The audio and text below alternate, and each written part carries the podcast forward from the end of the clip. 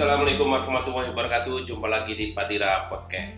Pencerahan untuk keadilan dan kesetaraan. Pendengar Padira, sahabat Padira, di mana pun Anda berada, kali ini kita akan membicarakan isu yang lagi hit nih sekarang, yaitu tentang mafia PCR. Nah, di sini sudah ada nakes andalan kita. Oke, di sini akan kita akan membicarakan soal PCR ya.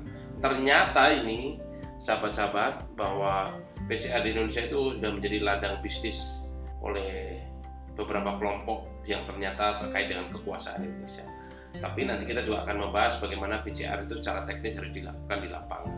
Nah, sekarang ini ada Mbak Fen Budiman, beliau adalah nakes pejuang, beliau adalah tadinya merupakan salah satu pasukan nakes yang ada di Wisma Atlet dan sekarang masih berjuang di nakes juga dengan organisasinya adalah Jaringan Nakes Indonesia.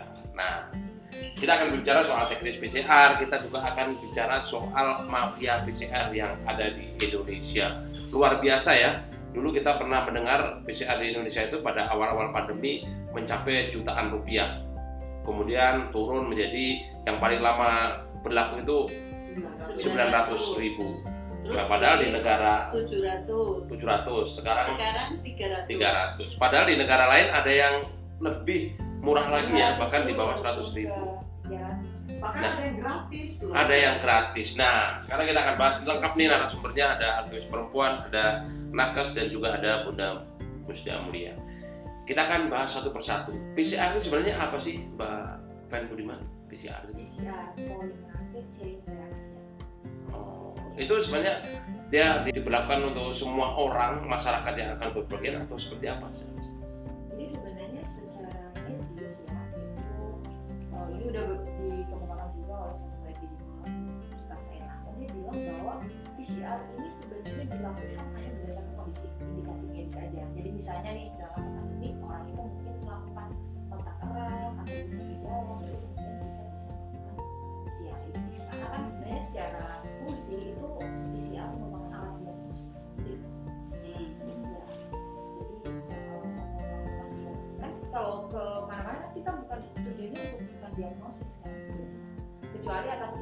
medis itu kalau orang melakukan- memang melakukan kontak erat ya orang nggak ngapa-ngapain kok mau di PCR Berarti PCR selama ini itu sebenarnya nggak tepat penggunaannya ya sebagai syarat perjalanan jauh ya, apalagi dilakukan secara wajib dan mahal. Harusnya itu dilakukan oleh misalnya juga itu. Uh, seseorang yang indikasi medis mahal pula seharusnya itu dilakukan atau diterapkan pada penduduk atau warga yang dia mengalami demam tinggi. ya yang Kemudian, Jadi itu dipastikan dia demamnya eh, pasien iya itu artinya PCR itu bukan sebagai Artinya syarat bahwa PCR ada indikator ya harus ada indikasi dulu ya. Oke itu dalam konteks eh, penggunaan PCR seharusnya tidak pada tempatnya ya. Kalau dari segi, segi bisnisnya sendiri ini eh, akhir-akhir ini atau beberapa hari yang lalu laporan Tempo menyebutkan bahwa ternyata bisnis PCR itu terasosiasi dengan beberapa menteri di Indonesia. Nah, Ini bagaimana ini pendapat Bunda Musdam? Iya, jadi eh, kita kita berasumsi dulu ya kan kita kan belum tahu aspek kepastiannya kayak apa. Jadi membaca laporan Tempo tentang apa bisnis PCR itu. Kita rasanya diiris-iris ya. Kondisi pandemi di mana kita semua dalam kondisi sangat prihatin. Udah gitu kan yang mau naik pesawat kan banyak orang yang perlu aja. Jadi kan takut juga nih ya. Eh, saya juga termasuk orang yang banyak melakukan perjalanan, tapi semua perjalanan saya itu bukan perjalanan yang eh, pura-pura atau sesuatu yang nggak penting penting sekali misalnya mendatangi keluarga yang meninggal ya eh, melakukan eh, kegiatan pendidikan yang nggak bisa ditunda gitu tetapi saya harus melakukan PCR dan itu sangat me- menyakiti hati saya. Kenapa? Karena saya bayarnya mahal sekali pernah saya membayar itu 1,7 juta waktu ibu saya mertua saya meninggal dan saya harus ke apa ya ke kampung gitu karena kayak enak juga tinggal di Jakarta terus ke kampung kan meninggalnya bukan karena covid itu saya dan suami eh, untuk untuk ambil PCR itu di 3,4 juta. Jadi bayangkan yang lebih mahal dari harga tiketnya ya. Dan itu terjadi bukan hanya pada diri saya, pada masyarakat yang lain. Ini kok tega ya pemerintah negara kita. Nah untungnya ya masyarakat kita jadi kritis dan ribut. Akhirnya sekarang baru turun pertanyaan saya, beberapa eh, tahun yang lalu itu uangnya itu pada kembali lagi Nah, itu sekarang dia. bisa tiga ratus ribu ternyata kok bisa tiga ratus ribu gitu kan nah yang kemarin itu sampai 1,7 juta yang saya yang lakukan itu 1,7 juta kan? Kalau saya sebutnya rumah sakitnya kasihan ya. Jadi eh, udah gitu yang lain setelah itu satu setengah juta. Udah gitu sembilan ratus sembilan ratus ribu. Udah gitu tujuh ratus ribu. Pertanyaan saya yang dulu dulunya itu ke mana uang uang itu semuanya? Apakah itu masuk ke kas negara? Ini kan kalau masuk ke kas negara ya nggak apa-apa lah untuk untuk apa ya untuk membangun eh, kehidupan masyarakat kita yang semakin susah it's okay. Tapi kalau itu masuk ke kantong-kantongnya para pemilik perusahaan para para pemilik lab atau para para oligarki tadi ya tentu kita nggak nggak rela ya. Saya benar-benar nggak rela uang saya dipakai oleh mereka. Nah, karena itu sadarlah ya. Jadi kemarin uang-uang itu ke mana mungkin ada semacam eh, apa auditor independen tolong deh mengaudit semua uang-uang yang kemarin untuk PCR itu tolong dikembalikan kepada negara supaya supaya negara memanfaatkannya untuk besar-besar kepentingan rakyat ya enggak tapi kalau kembali ke negara kok kayaknya juga agak mustahil bu.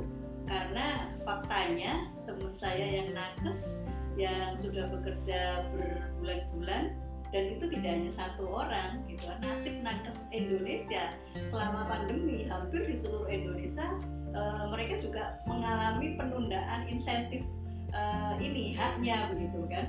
Jadi kalau kemudian itu apa biaya pembelian eh, PCR atau eh, apa biaya tes. PCR itu dialokasikan eh, ke tempat yang lain itu seharusnya nakes-nakes kita nggak terlunta-lunta dong bu. Itu sih asumsinya sih bu. Ya karena yang mengambil uang-uang itu bukan negara karena itu kemarin kita semua mem, apa ya mem- meminta auditor independen untuk me- menyelidiki ke mana ya uang yang digunakan untuk PCR yang mahal ya selama ini kok juga para nakes kita kok malah mengalami kesulitan juga ya jadi Iya. bukan untuk bukan untuk kepentingan nakes kan karena itu tolong deh oh apa Jadi benar ya Bun ya, dugaan bahwa masa pandemi ini adalah eh, peluang bagi mereka-mereka itu untuk berbisnis.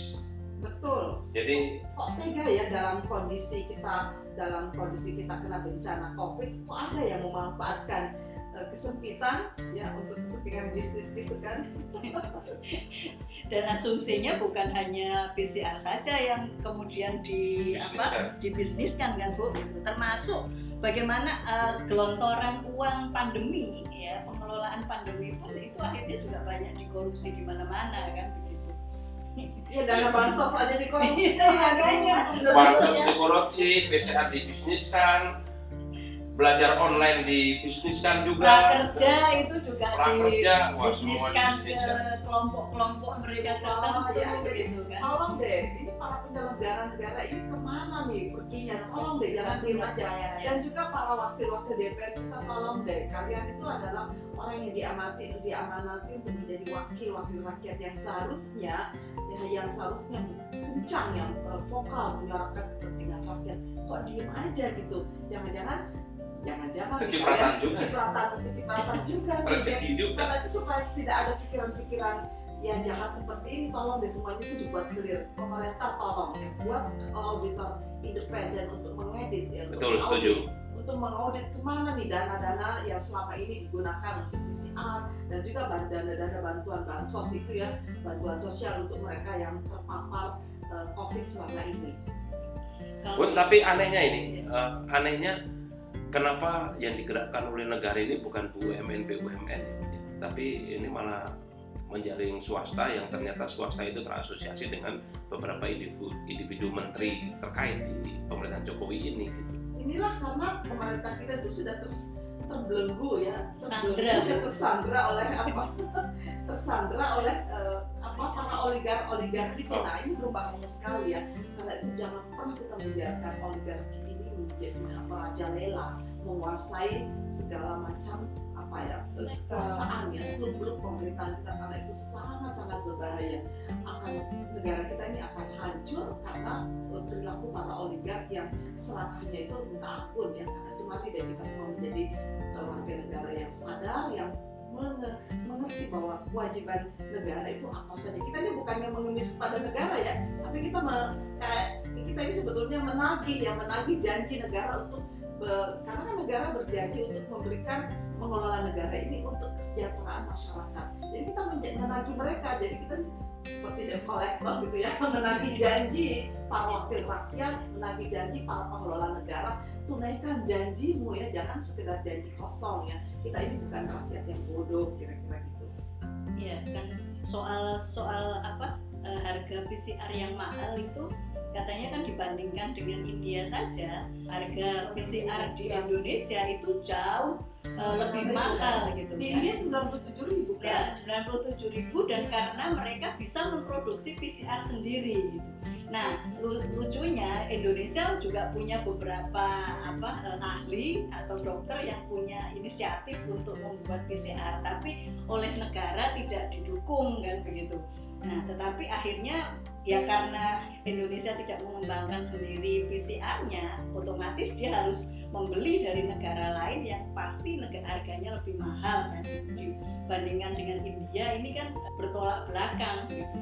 Nah ini ini apa mungkin juga ibu bisa menyoroti bagaimana ini sebenarnya ada apa dengan Udah salah urus negara Praktek. ini. Komersialisasi atau Vaksin juga juga. BUMN ya Iya. nah eh, untungnya nih sekarang setelah kita ribut-ribut beberapa waktu yang lalu di pentingnya nih eh, apa dan uh, Adira pentingnya kita itu sebut karena sebut sekarang ya pemerintah dengerin ya Menteri Koordinator Bidang Pembangunan Manusia dan Kebudayaan Muhajir Effendi akhirnya memutuskan untuk tidak lagi ingat ya tidak lagi mewajibkan tes PCR atau PCR ya PCR sebagai syarat penumpang pesawat menarik kan jadi kok bisa gitu nah kebijakan ini kan karena kita kritis ya keputusan tersebut diketahui diambil berdasarkan hasil usulan dari Menteri Dalam Negeri Ibu sampai Kreatif. Nah karena itu mari kita semuanya ada untungnya juga ya bu ya Oh, sangat.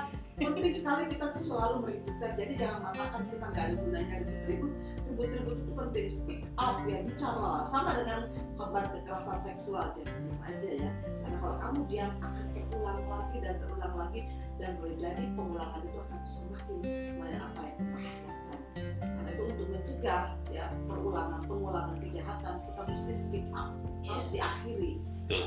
Oke, jadi ini sangat pelik sekali ya, semua dibisniskan dan yang bermain itu-itu saja.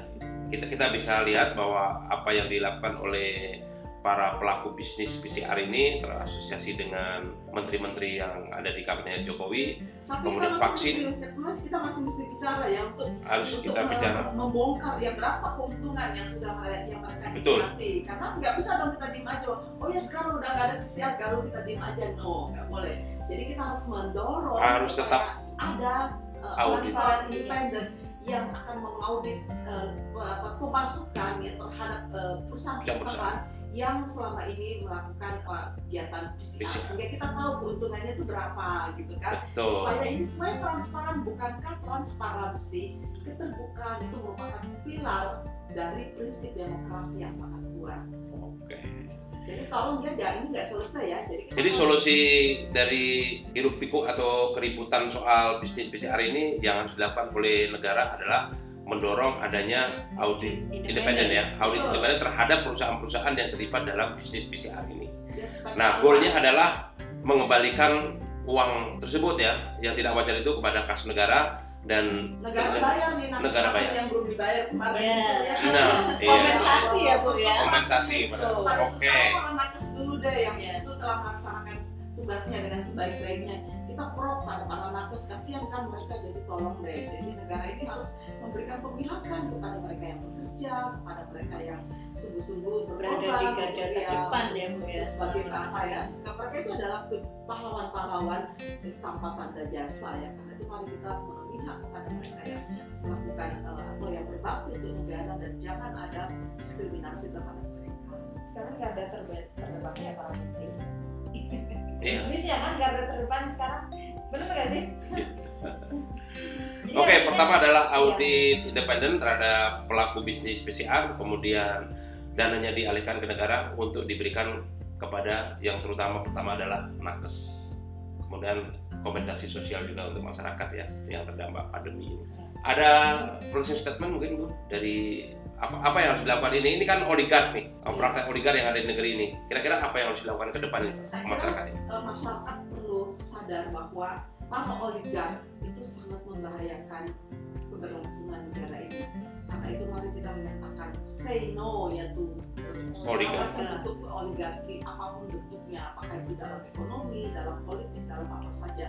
Karena itu mari kita tetap untuk bagaimana negara dan pemerintah kita mengedepankan prinsip demokrasi yang di dalamnya itu adalah prinsip keterbukaan prinsip akuntabilitas ya dan prinsip apa pemihakan kepada eh, rakyat menjadi sesuatu yang sangat dikedepankan dalam mengelola negara dan pemerintah. Oke.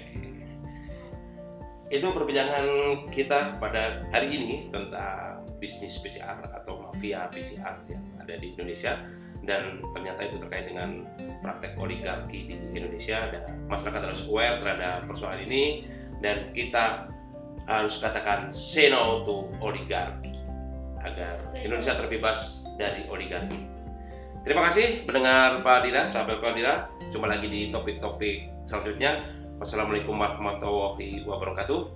Salam Padira. Pencerahan untuk keadilan dan kesetaraan.